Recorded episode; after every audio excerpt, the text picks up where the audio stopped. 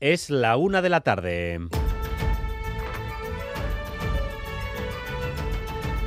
Crónica de Euskadi con Dani Álvarez.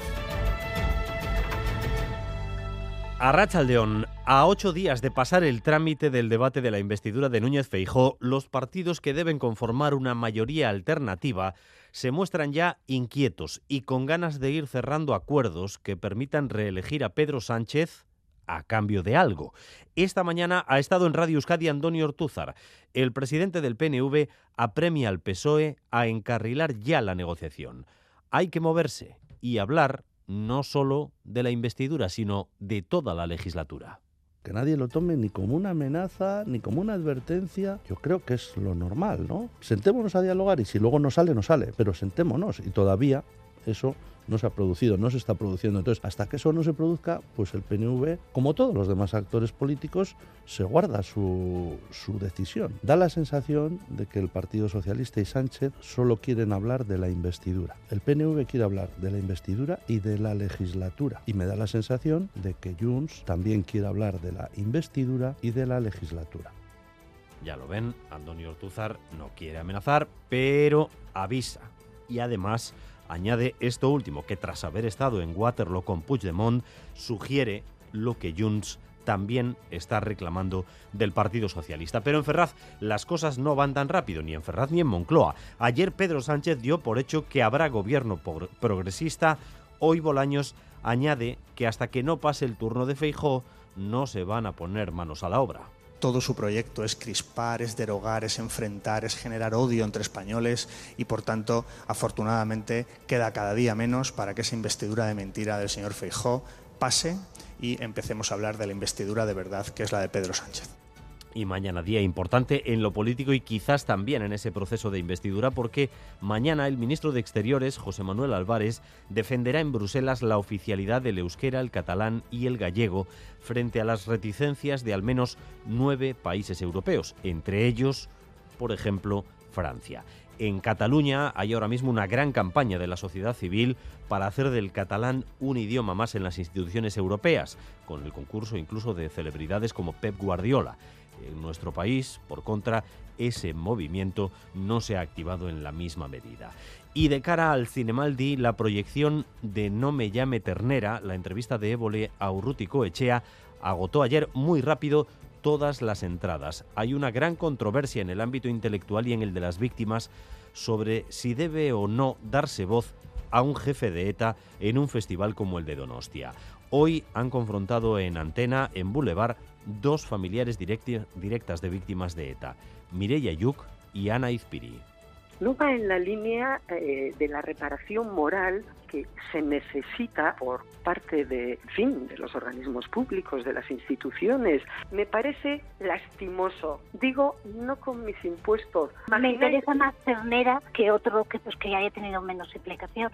Es imprescindible para entender lo que pasó escuchar también a los victimarios, por muy poco respeto que les pueda tener yo como persona, a llegar a, a un entendimiento profundo. Estamos en la Semana Europea de la Movilidad, con la eficiencia energética en el punto de mira. Con ese objetivo se ha presentado hoy Move Euskadi, una aplicación con la que encontraremos fácilmente la mejor opción para movernos en transporte público por Araba, Vizcaya y Guipúzcoa.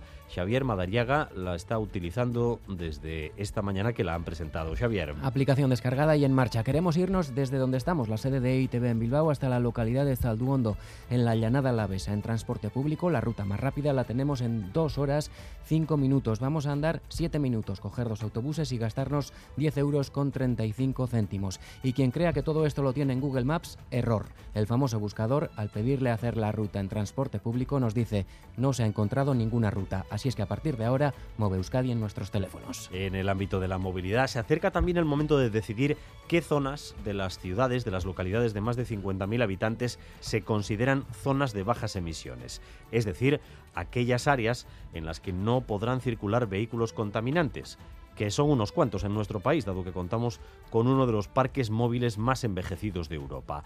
La concejala de movilidad de Bilbao, Nora Abete, ha reconocido este mediodía que la mitad de los coches de Bilbao, la mitad, no podrán entrar en esa zona limitada cuando se fije parece razonable que actuemos con los vehículos que más contaminan, que serían los etiquetas B y los sin etiqueta, ¿no? que suman casi la mitad de los coches que circulan por la ciudad.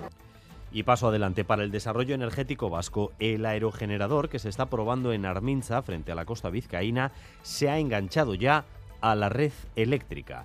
Es el primero de este tipo que genera electricidad y en la costa peninsular es único, Rodrigo Manero. Sí, la ingeniería vasca Saitec lleva meses trabajando en ello junto a una empresa japonesa y otra alemana. Han colocado un molino de viento flotante a dos millas de Armincha y ya han conseguido conectarlo a la red.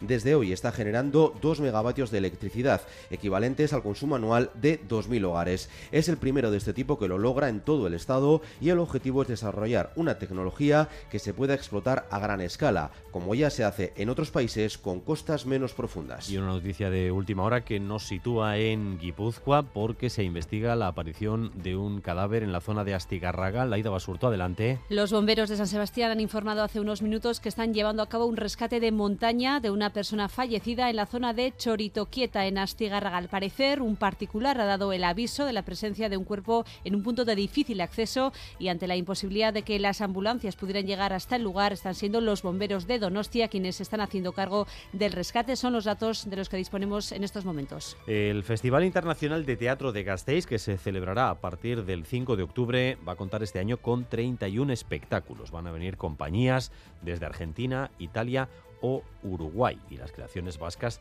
también tendrán un lugar importante. En la presentación del festival han participado los integrantes de ICA Teatro A, que ofrecerá por vez primera en Euskal Herria la obra protagonizada por Itziar Ituño Vidaya, tras su estreno en Alemania. Es una obra llena de música. Agurchane Inchaurraga es la directora de escena y es un espectáculo que habla del viaje, puede ser un viaje sobre la vida, la vida misma. Protagonistas son todos porque todos eh, tienen su propio viaje, pero yo destaco la labor de Itziar, por un lado. Ella canta siete canciones, actúa, eh, hace de todo. Y vamos también con lo más destacado del deporte, con Álvaro Fernández Cadierno, Arrachaldeón, Álvaro. Arrachaldeón, estamos ya en la primera semana Champions. La Real, que caía anoche en Madrid por 2 a 1, recibirá el miércoles al Inter de Milán, un domingo que también nos ha dejado la derrota de Osasuna en Getafe 3 a 2 y las victorias en segunda de Leibar ante el Ferrol y de la Morevita frente al Mirandés. En Remo Ciervena finalmente segunda en la Liga CT con San Pedro que sube a la máxima categoría, Santurchi que baja y en Chicas y Baica continuará una temporada más en la Liga Euskotren. En cuanto al tiempo, cambio de viento en las próximas horas y rachas fuertes en la costa, así que vendrán más nubes para esta tarde y probabilidad de chubascos que podrían ir de nuevo acompañados de tormentas. 24 grados de temperatura en Bilbao ahora mismo, 25 Donostia y Bayona, 21 grados de temperatura en Gasteiz y en Iruña. Gracias un día más por elegir Radio Euskadi y Radio Vitoria para informarse. Raúl González y Paula Asensio se encargan de la dirección técnica, María Cereceda de la coordinación. Crónica de Euskadi con Dani Álvarez.